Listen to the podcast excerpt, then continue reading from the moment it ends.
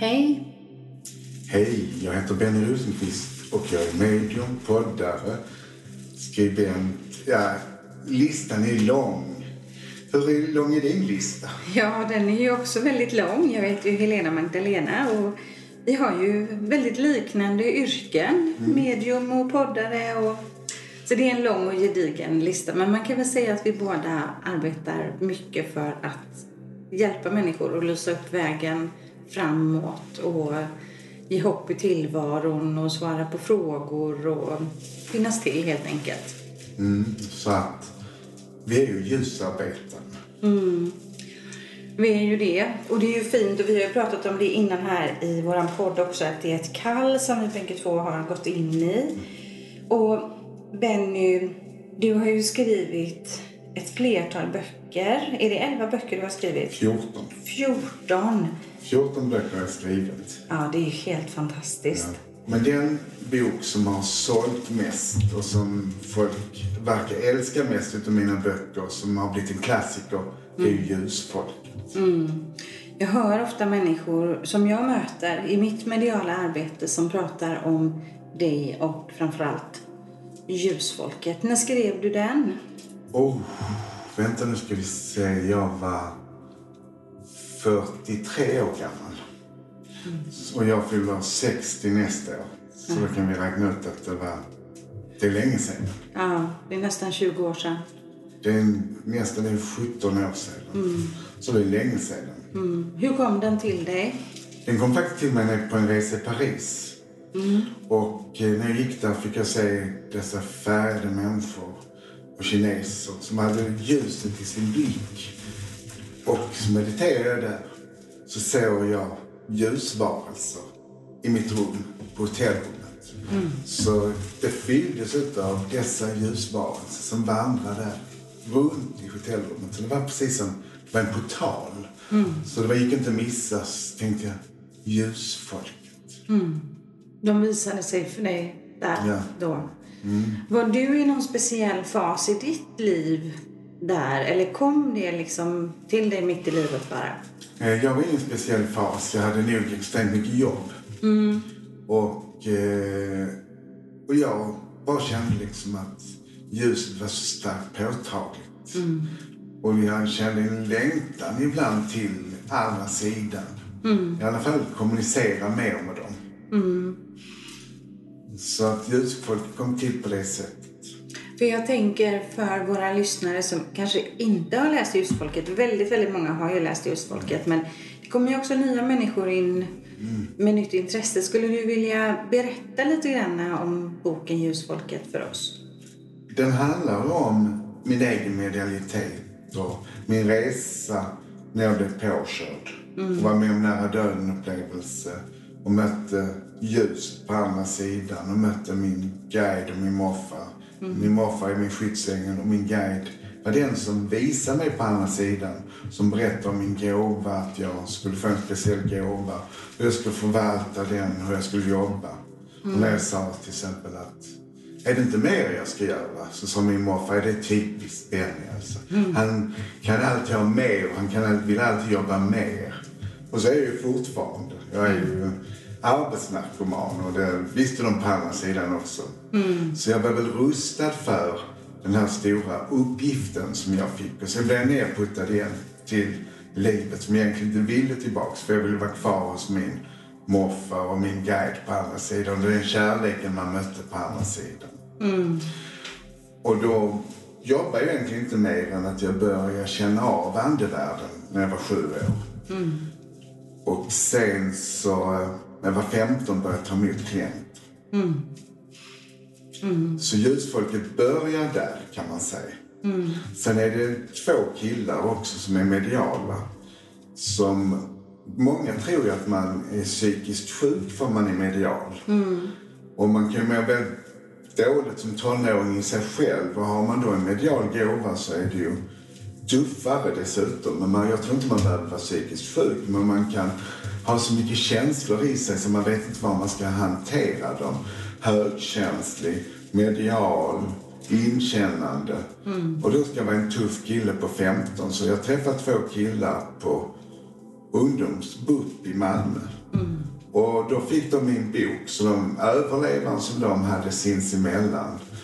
Och den ene killen han ville bli narkotikapolis. För han ville hjälpa ungdomar till att syssla med narkotika. För hans pappa var polis. Och han hade ju en ande i, sin garderob som störde honom väldigt mycket. Som, han såg ljuset. Och den öppnade sig garderobsdörren så han hade en inbyggd garderob i sitt sovrum. Så han var så rädd för det här ljuset som kom. Fast han inte behövde vara det, för det var ingen farlig ande som var där. Så han bodde i Trelleborg och hade sitt pojkrum och blev störd av den här ljusvarelsen som, ville, som var hans guide, som ville hjälpa honom och utveckla honom. Men han stängde dörren och guiden försökte hjälpa honom. Guiden, han stängde dörren. Och sen hade vi då min andra kille som eh, faktiskt eh, blev var en väns son som jag hjälpt sen han var nio år. För han började redan prata med andra när han var liten, precis som jag. Och, eh, men han mådde också väldigt dåligt som 15-åring. Och han var, så han experimenterade med, göra egen medicin. Så han var extremt intelligent. Och det var lite drogbaserade saker han gjorde som var ute på nätet och höll på med kemiska experimentationer. Så han var en riktig kemist. Men det gjorde inte honom bättre så att säga. Och jag var med om rätt så många saker som var rätt så traumatiska med, med den här killen. En gång fick jag åka akut med två poliser mellan mig när jag var till Oxie och lämnade mina hundar. För att jag skulle snabbt komma in till honom. För den enda han ville prata med var med mig. Och han valde mig som extra pappa. Och var gång det var fars dag så kom han med en röd ros. Och sa, Benny den ska du ha för du är min fina pappa. Så fint. Tyvärr så tog han livet av sig för han orkar inte med, som läkarna sa, psykotisk. Men jag säger medialitet för det blev för tufft för honom. Så han blev kanske något mellan 21 och 22 år gammal. Och det var en tuff begravning att stötta mamma och syster och mormor. Och vi hade önskat att det inte skulle vara så mycket blommor så där stod hans gitarr som han älskade att spela på. Och det var så konstigt att en så ung människa, och det var unga människor på begravningen, kyrkan var fylld till linnan. Och eh, han kommer till mig fortfarande nu och när vi har haft kurser han dykt upp dess deltagare och han ser ju, han har långt hår och han, alla beskriver honom som en sån som har väldigt mycket energi i kroppen och så han, han eh, fortsätter ju att finnas i mitt liv med sin vita skjorta som han kommer i och sin eh, fantastiska kroppsspråk som han alltid var. Han, hade han hade ADHD så han rör sig väldigt mycket och han var ju en spjuver. Och eh, också gay. Ja, så han gillade killar och han eh, hade ju kommit ut som gay. Och han tyckte jag var som en box och brill, sa han. Så när han fick vara med mig så lugnade han ner sig. Så jag hade en så lugn påverkan på honom. Så ibland sov han över hemma hos mig. Så låg jag nästan och vakade över honom. Så tittade jag på honom så han verkligen sov. Ja, så han var lugn. Men jag glömmer aldrig när hans mamma ringde när jag var i Finland och sa att han hade tagit livet av sig på psykiatriska kliniken i Malmö. Hemskt. Fruktansvärt hemskt är det. Verkligen tragiskt. Ja. Men han har det ju bra där och är ett ljusfolk nu. Och som han var, han var ju en, en ljusbärare redan och han var ju en så fantastisk kille. Han var nästan lite för fin för denna världen, ska man inte säga, för vi var ju tacksamma att ha honom här. Men på något sätt så kände man att han var, levde lite på ytterkanten. Och någonting kunde hända, men man vill ju inte se det. Nej. Jag har ju fått faktiskt möjligheten och förmånen att han har kommit igenom via mig på, på seansträning när vi har haft kurs tillsammans. Jag känner ju hans energi. Och en underbar energi. Och jag, jag känner så här, vilken tacksamhet för hans mamma och för dig att få möta få möta dig, att hans mamma och honom menar jag, att få möta dig. För det är ju många vilsna unga människor, precis som du säger, med högkänslighet, psykisk ohälsa, medialt påslag och det är jättesvårt att veta vad som är, är vad och få hjälp i, i de delarna. Det är jättesvårt. Och ljusfolket handlar också om folks utveckling och deras medialitet. Så jag tror att många får till sig, och, också att, att man har mist någon, att de finns runt omkring oss. Den är väldigt trösterik den här boken, Ljusfolket. För det känns nästan som, många säger att jag är inte rädd för att min släkting har lämnat eller jag är inte rädd nu när jag har cancer att jag ska dö för jag har läst Ljusfolket. Det är ju fantastiskt att, att med en bok få sån tröst. Eh, och jag har också hört många av mina kunder som jag möter som säger det att just din bok Ljusfolket fanns där i deras mörkaste stunder. Så det är ju så hoppfullt. Och jag träffade en kille här igår, Andreas. Han berättade att han har läst Ljusfolket. Det är den bok han tycker mest om. Han har läst den sex gånger. Han sa var gång så är det något nytt han hittar i boken. Och den startar hans andliga utveckling och hans sökande. Och i, nu är han ju inte alls tveksam till andevärlden utan han är nyfiken och börjat meditera och ta till sig det här och vill gärna mer och mer så att säga. Så den skapar ju också det här att den här känslan att vilja kommunicera med dem på andra sidan som vi jobbar med. Gänget, hela gänget som är så arbetsvilliga som inte förstår att vi behöver sova ibland och vi behöver vila ibland. Som kör så hårt med oss att vi till och med kan bli förkylda emellanåt. Nej, jag blir inte så ofta förkyld men jag blir ju ofta ibland att jag känner att jag kanske inte lyssnar på min energi. För jag tror ju att, och de fyller ju på. Men man måste ju också få lov att vara Benny och Helena Magdalena. Så ibland så är det att när man hjälper så tänker man jag kan lägga mig själv åt sidan. Precis. Och så är väl kanske gärna de vi som är jordänglar och ljusarbetare här på jorden. Och det är ju vårdpersonal, de är också ljusarbetare och ljusbärare här på jorden. Tänk vilket fantastiskt de gör nu till exempel med covid och, och de som jobbar med gamla som går upp var morgon och stöttar våra gamla. Cyklar hem till dem och ser till att de får sina tabletter och sin mat. Och det finns många som gör ett fantastiskt jobb. också. Verkligen. Och sen tror jag att de, jag vet ju en kvinna som jobbar på hem, som, hemsamarit i området. Hon har läst Ljusfolket. Hon sa det att ja, jag vet att jag har en del vårdtagare med mig fortfarande som stöttar mig nu. Tack vare Ljusfolket. För jag började känna efter och då hade jag Greta och Stina och August och Sven. Och plötsligt kände jag liksom att jag har fått ett helt team som hjälper mig nu när jag åker runt hos de gamla. Tack vare ljusfolk. Ja. Så fint det är att du har kunnat förmedla det här för vi som arbetar som medium. Vi, vi rör oss ju i det här och vi kommunicerar med andevärlden och vi tar emot människor som vill mötas. Och just nu upplever jag att det är ett väldigt, en väldigt stor längtan just nu. Jag har många unga människor som kommer och vill mötas med de som finns i andevärlden. Som har, som har lämnat dem. Eh, och det är som du säger, tiden räcker ju inte alltid till men jag försöker verkligen att prioritera det här.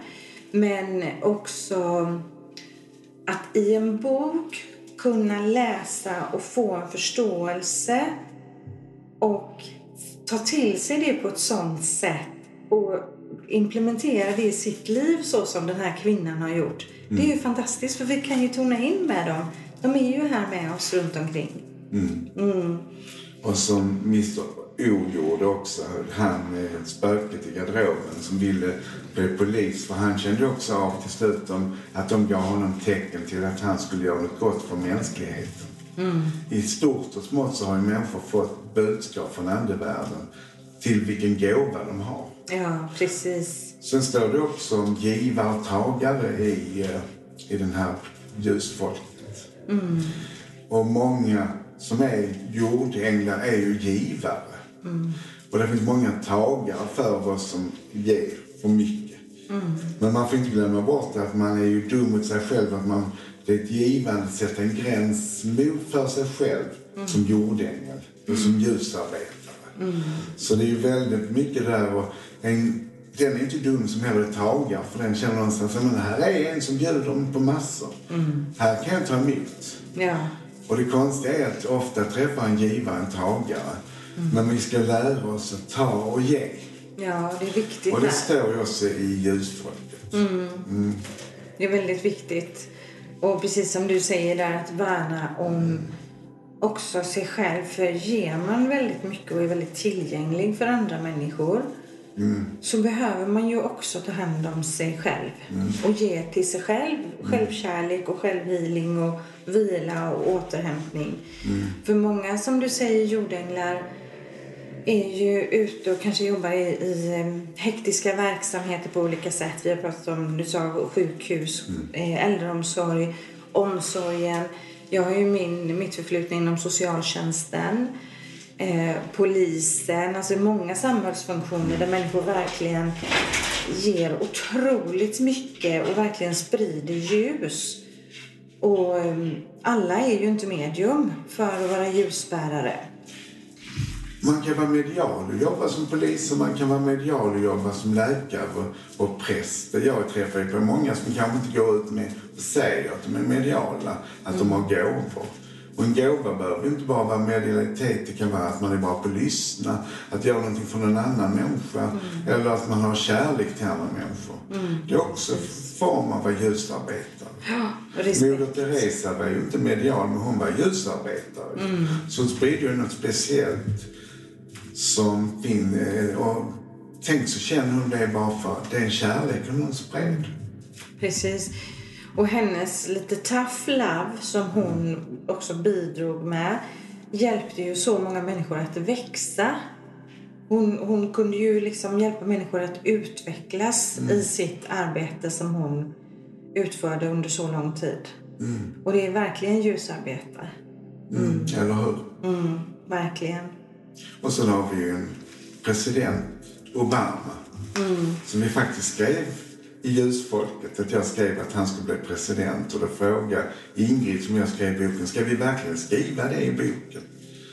Jo, det är klart vi ska göra, sa jag. För att han kommer att bli president. Han, tänk om han inte blir det, ja men jag vet att han blir president. Så innan han blev det så var det i pränt just i ljusfolket och det jag skrev om att då, Hillary Clinton kommer aldrig bli president utan det blir Obama. Så det finns faktiskt ljusfolket också. Ja, härligt. Och han är ju verkligen, och hans fru, båda är ju ljusvarelser. Så, så mycket kärlek den familjen har spridit till mänskligheten. Och de gav bara kärlek och ville hjälpa de svaga i samhället och hjälpa de som har det svårt. Och eh, liksom villkorslösa i sin personlighet. Tänk att ha en president som är så maktfullkomlig det är, och villkorslös. Fantastiskt. Mm, ja, verkligen. Det skulle alla länder behöva och hela världen skulle behöva det. Mm. Och vilken kombination det var med Michelle Obama och honom som president. Ja, det var en fin gåva att de, att de kom till där som de, som de gjorde. Men han har ju humor också, för han sa det. Efter åtta år ser ni så gammal jag har blivit, men ser min fru, hon har bara blivit snyggare av. Ja, härligt. Ja. Hon Härligt. kanske mediterade mer vad han Han hade inte ner meditationen. Ja, eller så är det någonting annat. Det vet man inte. Nej. Nej, det vet man inte. Men jag tänker på när du skrev den här boken. För jag förstår ju liksom att du, du återminns ju och går tillbaka och, och skriver dina upplevelser. Upplever du att boken är kanaliserad eller är den baserad på, på mer på minnen? Kanaliserad. Ja. Och jag gjorde det att jag gick promenader innan jag skrev. Ja. Så jag kanaliserade längs stranden. Då var det ju alltså det ribban jag gick med min hund då, som var Viktor. Så jag gick med honom längs havet. Och så kände jag in saker och så var det som jag tog in Och det var det precis som de gick med mig på stranden och berättade. Jag såg de ljusvarelserna vandra och det var ju, vi började skriva den på sommaren, alltså våren. Och det var ju skönt ute liksom att gå. Så jag gick långa promenader. Sen träffade jag Ingrid. Som eh, jag skrev boken med, Ingrid Karlqvist. Och vi hade ju jättetrevligt när vi skrev boken. Faktiskt. Och den gav ju så enormt mycket och den var, den var så tydlig och den var så enkel. För det, liksom, det bara rann till mig som ett vatten. För det är som att jag ser, det, jag ser liksom hur den kanaliserades. Och det uppdraget som du fick i att förmedla det här till så otroligt många, många människor. För jag vet att du har skrivit 14 böcker, nu vet jag det. Men du har också sålt oerhört många böcker. Jag har sålt jättemånga böcker. Och det ljusfolket här finns ju på danska och den finns på norska. Och den finns inte på finska, det är konstigt. Men den finns på tyska, vet jag. Så ett förlag har gett ut den i Tyskland också, så det är fantastiskt. Ja, verkligen. Men jag tror den boken kan leva kvar länge och där fanns ju en Facebookgrupp också, jag vet inte om den finns kvar, som startades också. Vi som har läst Ljusfolk. Så fint. Och nu finns den ju som ljudbok också, både på Bookbit och Storytel. Så man kan ju fortfarande ladda ner den. Men jag tycker ändå om en bok att läsa. Den är ju omskriven nu också. Så Egmont har gett ut den igen, så den är lite tjockare och lite berättat om vad som hände med alla som var med i Ljusfolket och vad som hänt mig andligen. Så den finns ju i nyupplaga också. Ja. Böcker som är väldigt betydelsefulla. Jag lyssnar ju mycket på böcker då. Jag älskar att lyssna på ljudböcker. Men eh, böcker som är väldigt betydelsefulla, jag har dem att lyssna på. Men också och läser i. För det är, ju, det är ju böcker som påverkar för lång tid framöver. Och har man boken då kan man ju lättare gå tillbaka in i den och så. Så det är ett tips. Att ha Ljusfolket som en pappersbok. Och sen kan man ändå lyssna. För vissa perioder så kan man behöva lyssna lite om och om, om igen. Om man är i en period när man behöver mycket tröst kanske och hitta hopp och så här. Då kan det vara jätte, jättebra att göra det. Och många har ju sagt att ljusfolket är så så de har använt olika kapitel för olika ställen de har varit i livet. För den är ju i olika djup i den, eller olika dimensioner som den är skriven som. Så den, man behöver inte läsa hela boken på en gång, man kan för första gången läsa igenom den. Sen kan man ta till sig bitar som man behöver just då. Ja, precis. Och då är det ju så bra att man har en bok i bokhyllan. För då brukar ju bokhylleboken kalla lite på en. Det är som att man plötsligt ser den här boken som står och att det finns budskap då som man kan behöva precis just då. Så får jag tecken till mig. Eller så ramlar böckerna ut framför golvet på mig och då förstår jag att nu är det någonting i den här boken. Och då kan jag hoppa in i en bok och börja läsa mitt i. Men jag läser alltid böckerna först ifrån pärm till pärm. Men just nu har jag inte ljusfolket där hemma för jag har lånat ut det till någon. Och jag vet inte vem och den har inte lämnat tillbaka den. Så jag måste köpa ett nytt ex för jag måste ha ett ex till ljusfolket där hemma. Ja, det måste du. Det har, det har jag. Mm, jag har du det? Ja, jag har din bok. Fast jag har inte lånat din. Nej. Jag, jag har köpt den själv. Jag vet. Men Jag- jag har... eh, Den finns ju... Jag har den på norska och jag har den på danska. Mm. Så det har jag. Ja, just det. Precis. Ehm, Men jag skulle gärna också vilja läsa Överlevaren igen. För den blev jag oerhört påverkad av när jag läste den. För många år sedan då. Det var säkert när den hade kommit. Eh, Jag blev så otroligt berörd. Och den levde med mig så länge. Och det tycker jag med böcker som är riktigt bra. De, de är liksom kvar, man lever sig kvar. Och sen så fick jag möjligheten att, att lära känna han som har skrivit Överlevaren. Och mötas. Och jag minns, jag har berättat det i podden innan.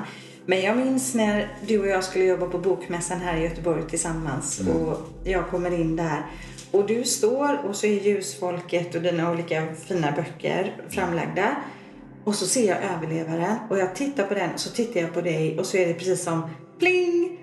Så ramlade polletten ner. Att det, det är samma person. Och då kände jag på något sätt som att jag i hjärtat, jag blev alldeles varm så jag fick en helt annan... Jag tyckte om dig jättemycket innan men, men det var som att där kom jag nära din energi på något vis. Och när överlevaren tog en helt annan form än vad vi hade tänkt oss. Så det var som en bok som växte och förändrade efterhand som vi skrev den. Så vi hade ju tänkt oss något helt annat från början. Och, så det var kanske inte, jag tror inte den hette Överlevaren från början heller. Jag kommer inte ihåg vad det var namn, men den, den ändrade namn under tiden som den växte. Och jag kommer ihåg när min mamma och min systrar läste den och min bror så hade jag lämnat ut manus innan så att de skulle läsa om det var någonting de tyckte var jobbigt. Och så alla grät. Så jag fick samla ihop de olika taxibilar så vi var på ett ställe. Och den enda som inte riktigt har kommenterat boken, som inte kom dit, som inte egentligen har nämnt den överhuvudtaget, är min, min bror. Han, eh, han, jag har hört det på omvägar att han älskar boken men han orkar inte kommentera det för det. Vi har ju en hemsk barndom. Och det var så jobbigt för honom att komma så nära det. Mm, Man kan verkligen förstå det också. Såklart. Men den har ju läkt väldigt många böcker. Det är det jag vill. Om man är riktigt sann när man skriver böcker så läker man någon. På något sätt är det också att man väcker någonting. Man utvecklar människor. Man får människor till att ta tag i saker. Jag tror både överlevaren och ljusfolket har fått människor att ta tag i sitt liv. Och jag tror de på andra sidan vill att vi ska älska livet mer medan vi lever. Så det är också grundbudskapet, att vi ska vara tacksamma för det vi har här och nu. Att livet är en gåva i sig själv och att det är inte givet att vi lever egentligen. Det är en tävlan hela livet till en förändring och vi växer hela tiden att det är en skola. Och, och de vill lära oss från andra sidan om guider. Det står lite om guider, hur de jobbar med oss och skyddsänglar. Och, Så den världen är ju så mycket större och den finns ju så mycket närmare oss. Och vilket stöd de gör som finns och de är ju nära oss. Det vet vi som jobbar med dem. Oh ja, verkligen. Jag kan känna att det är en sån rikedom att vara så nära med andevärlden och varje möte med människor som får möta sina nära och kära i, i andevärlden. Någon gång så här så har jag tänkt, men tänk om det inte fanns? Tänk om det inte var så? Och då, då får jag nästan så här existentiell ångest. Tänk om det bara var svart sen när vi, när vi lämnar den här jorden. Det skulle ju vara så meningslöst på något sätt. Men jag tycker som medium att man har fått så mycket bevis med dem som man pratar. Så att man kan ju inte få den informationen från sig själv som är så detaljrik. Nej, nej, så är det verkligen. Jag, jag kan berätta något som inte är så privat. Jag hade en seans idag med en man som hade både mist sin bror och sin pappa på tre månader efter varandra. Och de stod här båda två. Den ene var, det var en annans pappa men han var ändå, han varit som extra pappa för honom. Så de kom tillsammans här till sin bror. Men avslutade så sa pappa Åh, det luktar så gott. Åh, jag älskar det. Och den är så snygg. Den är så snygg. Åh, vilken snygg färg. Och du har ändrat på färgen. Och eh, så hade han köpt en bil med skinnklädsel. Så den hade han haft i 14 dagar. Så han sa, det var ju Ja, så häftigt liksom att, ah, det var ju liksom typiskt en man också. Vi killar älskar doften av ny bil så att säga. Ja, och så berättade han då att han har målat om den till grön. Ja, Så den var vit från början. ja vad häftigt. Så himla spännande. Mm, så det är häftigt. Och, Ja, men det är det. Och de här mötena som, som vi har, de är ju så speciella. Och så känslan som skapas i, i rummet, den tycker jag är så underbar att vara i när man jobbar som och det visar ju att de är med oss i vardagen. När de kommer med sådana saker som är just nu. Jag vet en kvinna som sa, du har bytt gardiner idag. Du hade blommor innan, de såg ut så innan på en stor seans. Och hon glömmer ju aldrig det, så att Nej. säga. Jag kommer ihåg en gång jag släppte just Överlevaren. så var det massa journalister och det var väldigt tunga fall den gången som jag hade kontakt med. Men så var det sista, det var en kvinna som sa så här. Men var har mannen gömt pengarna? och då har hon liksom letat efter var han hade gömt kontanterna där hemma. Ja, Och det förlöste ju allt, ja precis. Fick hon svar då? fick hon. Ja, hon fick det. Ja. Och ibland när man har en stor seans så kan man nästan se hur ljusfolken är där. Och jag kan säga att det är precis som en lampa bakom var och en. Så även de som inte får budskap, som blir sura för att de inte får det, får med någon hem som kanske ger budskap i drömmen eller på en känsla av att de känner beröring. Så de finns ju med oss och det är så vackert när man står på scenen med alla dessa ljusen som är där. Så är vi till exempel 20 så är det minst kanske 60 från andra sidan. Och är det 500 så är det så många ljus runt omkring så det känns nästan som man ser en sån här rockkonsert med massa lampor som har tänts. Mm, åh, vilken fin bild. Ja. Vilken fin bild du gav oss här.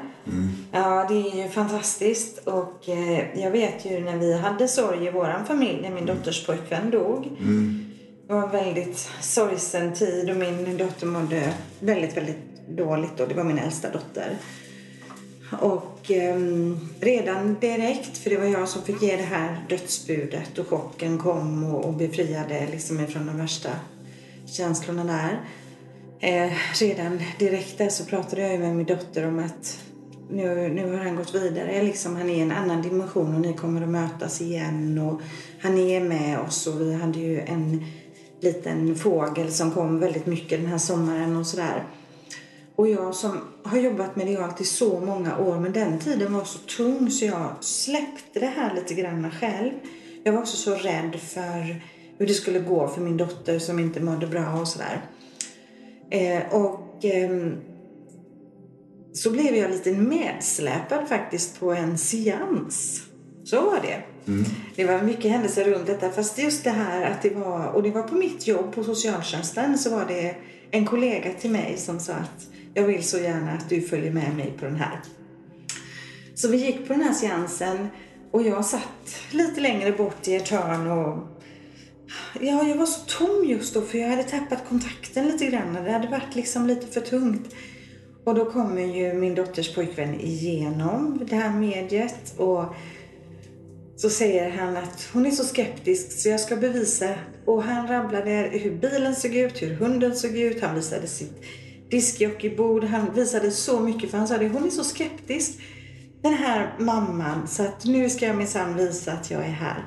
Han visade sin keps och, och jag blev så påfylld och sen kunde jag åka hem och ringa till min dotter och säga att nu äntligen, nu kom Kibbe och var, var med oss. Så jag hade trott på det hela tiden men just när jag behövde det som mest så var det, det blev lite, som att jag blev avstängd av alla känslor och då fick jag som en, nästan som en smäll i huvudet och blev så överbevisad. Och det var så underbar känsla i rummet när han kom in och jag grät och alla grät i hela det här rummet. Men den känslan helade och läkte mig oerhört mycket och även min dotter. Och det är ju sådana upplevelser som är så betydelsefulla i livet. Mm, det är det. Alltså, och det ju- vet man själv när man har fått budskap. Även om man själv kan ta emot dem så är det alltid svårt att få budskap från dem man vill ha. För jag ville ha för min mormor, men det tog 15 år innan hon visade sig. Och min morfar fick jag då när jag kom över på andra sidan. Så ibland så tar det lite tid innan man, f- de kommer, kom, kommer igenom till oss. Så det är så vackert att du fick det för eh, din dotter och för dig och att det kom så pass tidigt som det gjorde. Och att ni kunde tröstas med att han faktiskt ville förmedla sig. Och att han finns kvar, att de kommer att träffas igen. Det måste vara betydelsefullt för din dotter. Oerhört.